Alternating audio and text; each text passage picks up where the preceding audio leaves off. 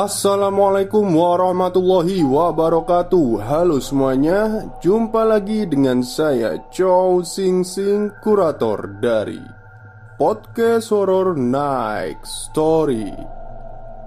Halo apa kabar semuanya? Semoga kalian pada sehat semua ya. Dan seperti biasanya pada malam hari ini Saya kembali dan akan membawakan sebuah kisah mistis Untuk kalian semua dan kisah mistis kali ini saya dapatkan dari kiriman email dari Mas Muhammad Al-Farizi Yang beberapa kali kerap mengirimkan cerita ya pada podcast Horror Next Story.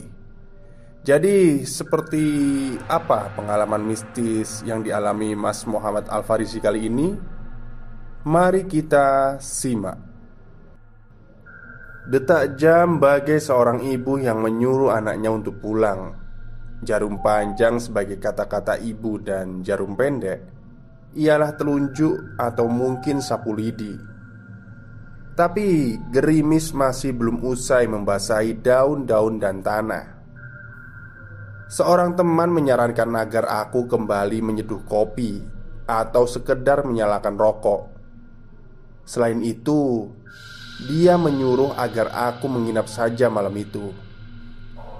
Tidak bisa aku mesti pulang karena tak pernah bisa tertidur lelap hingga bermimpi jika bukan di kasur sendiri. Sejak kecil hingga dewasa, aku adalah anak yang tidak suka menginap di rumah teman karena ayah pasti marah. Terlebih kawanku satu ini terkenal jorok. Dia suka ngiler. Setelah rokok filter dari tangan ini masuk ke dalam asbak, Aku berpamitan dengannya. Tak mungkin lagi menunggu. Jarak rumahnya menuju tempat tinggalku cukup jauh. Waktu tempuhnya sekitar 25 hingga 30 menitan. Aku memperhatikan wajah temanku yang berambut agak ikal itu. Matanya sudah sayu. Taulah Perasaan ini kalau kawanku itu sudah sangat mengantuk. Aku pun berpamitan kepadanya dan kemudian menyengklak sepedaku dan meninggalkannya. Di awal perjalanan, tidak nampak pertanda gerimis akan menghujan. Malah pikiranku berbisik, gerimis akan merinai. Namun, di tengah perjalanan, air dari gelapnya malam kembali deras secara tiba-tiba. Sontak, kepalaku ke kanan dan ke kiri, mencari teduhan Aku tak mau keluh di sepanjang jalan Apalagi sembari mengendarai sepeda motor. Sekejap mata ini melihat suatu bangunan yang masih dalam tahap pengerjaan. Nampak kayu-kayu penyanggah di depan dan di samping. Bahkan hingga di dalamnya Bangunan ini belum berpintu. Gelapnya suasana sempat menyutkan nyali Tapi Hujan sangat deras. Aku memberanikan diri untuk berteduh di depan bangunan ini. Atapnya cukup lebar untuk berteduh. Lima detik aku berdiri sembari memandang gelapnya malam dan mendengar air yang menabuh tanah. Sekelebat, bayang dari kiri ke kanan menyisir dan menggerakkan rambut belakangku. Sontak tangan kanan memegang-megang rambut yang terlerai. Bulu pundakku seperti bulu landak yang terangsang lantaran musuh datang. Suara keramik yang jatuh dan pecah berkeping-keping terdengar. Aku diam dan tidak berani melirik-lirik sekitar. Aku hanya berdoa sembari meremas-remas kedua tanganku di depan dada, berupaya menahan rasa takut. Sial, pikirku. Aku pulang terlalu malam. Tidak lagi nampak kendaraan yang melewati jalan ini. Hanya pohon-pohon besar yang terdiam dan hanya terlihat satu lampu jalan tepat di depan rumah tempatku berteduh. Warna lampu itu kuning. Dari sinarnya, air hujan jadi tampak nampak Kuperhatikan dan kuperhatikan Pencahayaan itu hingga tersadar dari lamunan. Di pucuk payung kandil nampak suatu sosok yang sedang duduk. Sesuatu yang membuatku sekejap memejamkan mata. Aku melihat kakinya berayun-ayun seperti seorang anak kecil yang kesepian di atas ayunan. Lihatlah Buka mata dan lihat secara jelas. Pikiranku berkata demikian Seketika mata ini terbuka Kuntilanak merah mengernyit Dan melambai-lambai ke arahku. Dia terbang dan turun lalu melayang ke arahku. Dia melewati tubuh dan wajahku. Dia mengelilingiku Tapi tidak berhenti menakutiku. Kuntilanak merah yang kulihat sama sebagaimana yang biasa. Rambutnya acak-acakan Tapi dia berdiri dan melayang. Beda seperti yang kulihat dari tukang sayur Yaitu merangkak. Wajahnya putih pucat. Hanya saja Giginya bertaring dan tinggi tubuhnya Setinggi dua atau mungkin tiga orang dewasa kalau ditumpuk. Aku memperhatikannya yang melayang memasuki bangunan tempatku berteduh. Tapi dia sosok gaib, tak mungkin bisa membunuh, kecuali merasuki dan mengobrak-ngabrik pikiran manusia batinku. Setelah masuk ke dalam pintu, kira-kira jaraknya satu meter ke dalam, dia berhenti dan perlahan memutar lehernya 360 derajat tepat dia memandangku. Ini bukan pengalaman pertamaku. Memang jantungku masih berdebar, tapi berdiriku masih sempurna. Senyumnya mulai diperlihatkan kepadaku. Nampak kedua taringnya di sebelah kiri dan kanan dalam rongga mulutnya yang hitam bercampur darah.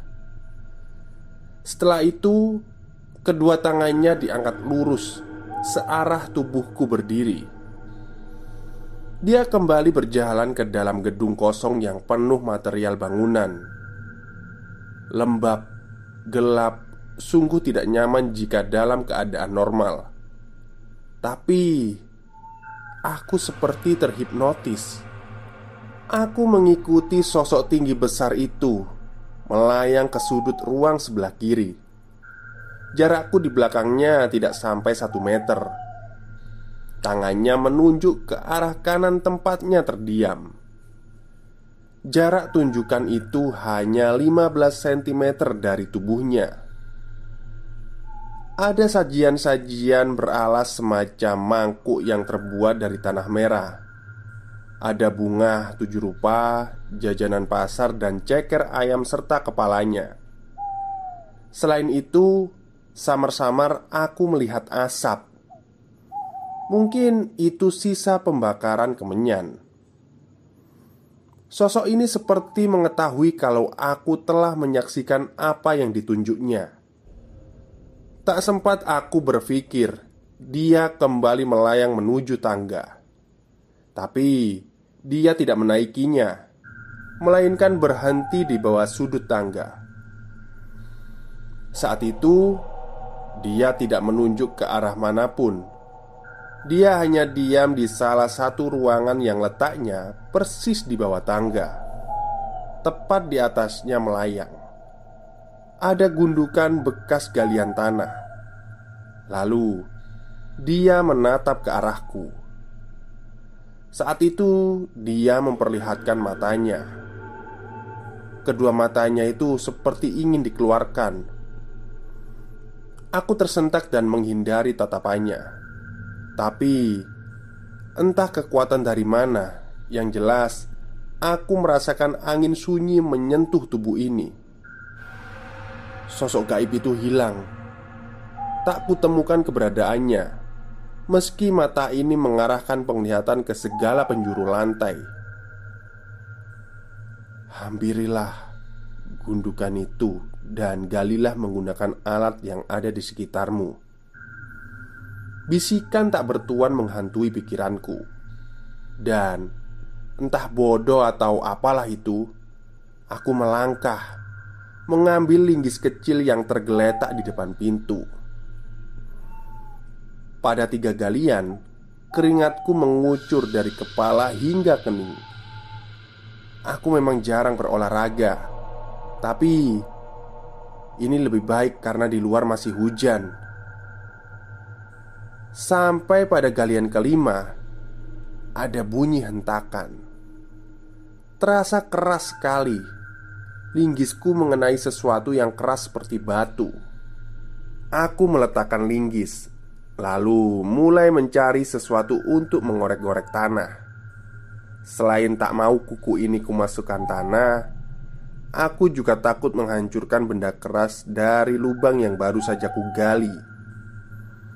Tak jauh dari tempatku duduk, terdapat sendok untuk mengaduk dan memplester dinding.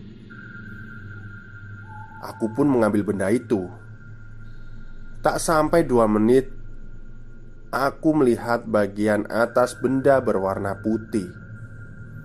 Belum jelas bentuknya, tapi berbentuk lingkaran. Semakin dalam aku menggali, ternyata itu tengkorak kepala manusia. Aku terus mengorek tanah hingga tak mempedulikan keringat di tubuh. Setengah galian dapat kusimpulkan Penemuan malam ini di bangunan ini. Meski baru setengah, tapi jelas Itu adalah tengkorak kepala manusia. Namun belum sempat aku meneruskan galian Kuntilanak merah melayang turun tepat di hadapanku Dia melayang melewatiku lalu menaiki tangga Tangan kanannya sedikit ditarik ke arah belakang. Ikuti dia. Suara bisikan tanpa seseorang kembali mempengaruhi gerak tubuh ini.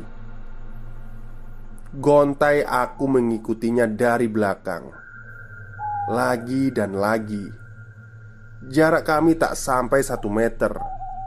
Tapi aku tidak merasakan hawa busuk sebagaimana makhluk gaib yang pernah kutemui. Padahal berdasarkan cerita rakyat, kuntilanak gaib adalah sosok menakutkan yang jahat. Selain jahil, dia senang merasuki orang hingga histeris. Apa maksud semua ini? Lagi-lagi aku membatin. Seraya meniti satu persatu anak tangga yang belum ada pegangannya Dan belum dikeramik. Begitu aku tiba di anak tangga terakhir Kuntilanak merah melayang entah ke mana. Tapi Tepat di hadapanku Jaraknya hanya 2 meter Ada pocong yang berdiri tegak. Suaranya terdengar seperti desis ular Mulutnya selalu mengangah dan hitam. Wajahnya sangat putih dan begitu pucat. Matanya melotot dan merah Tapi Pinggirannya sangat hitam. Aku terdiam di anak tangga terakhir lantai dua.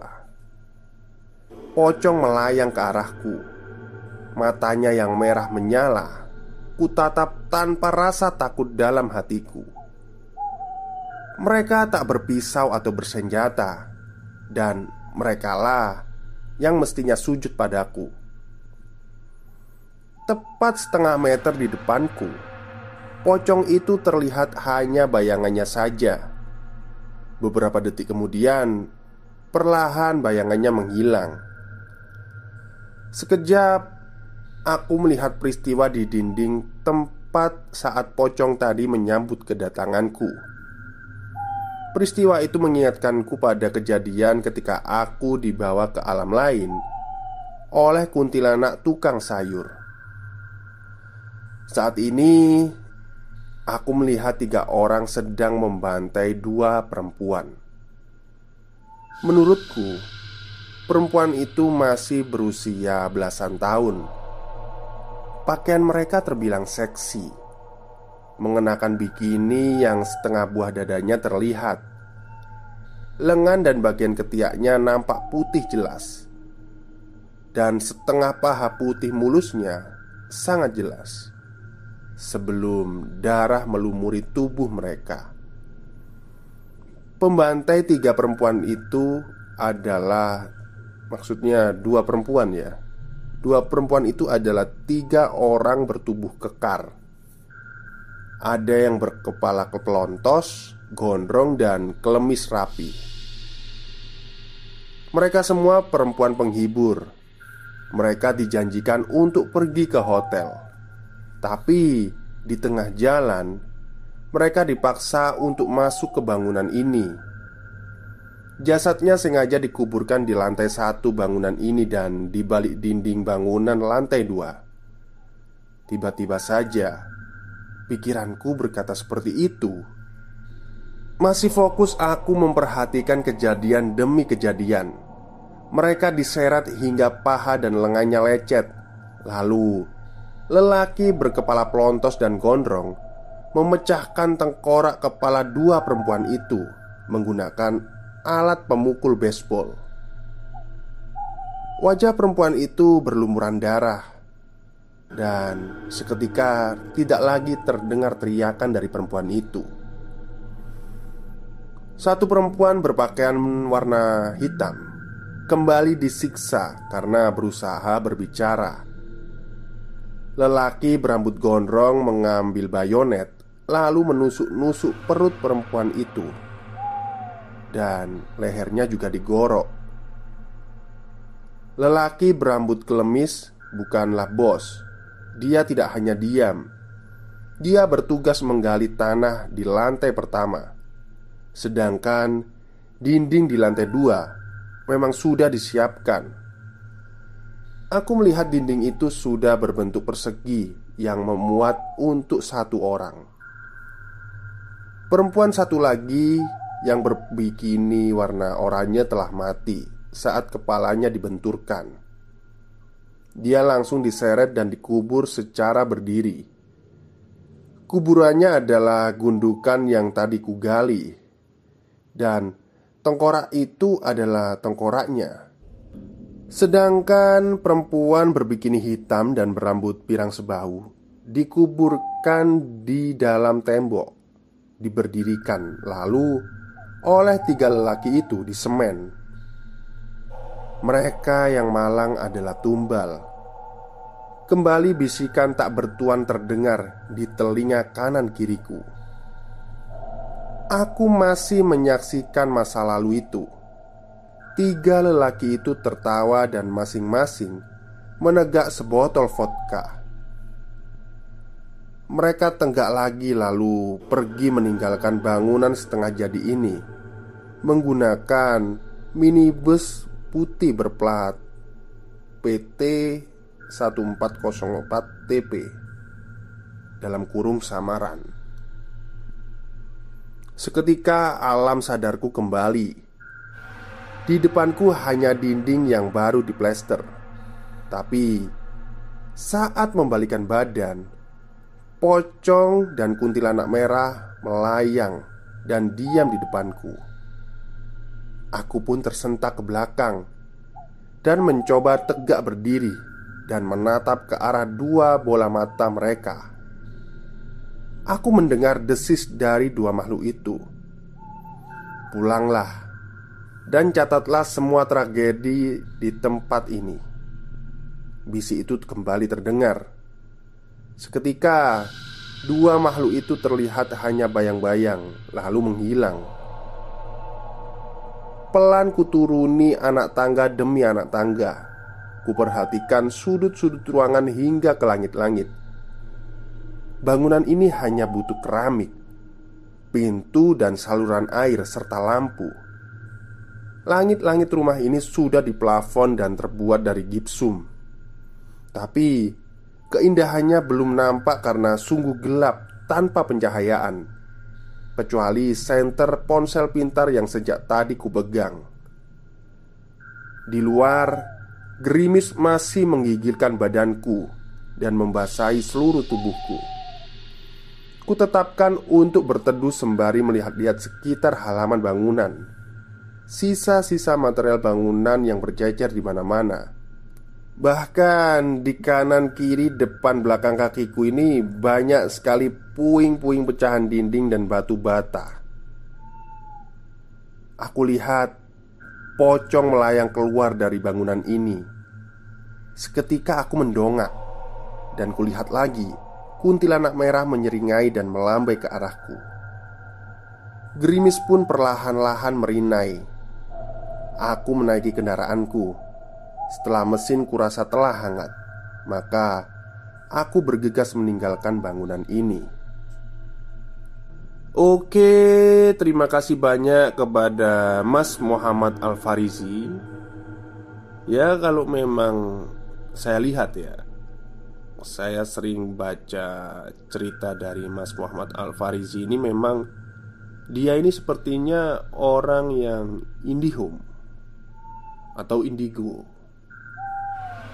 Dan setiap kejadian yang dialaminya itu dicatat di sebuah buku harian.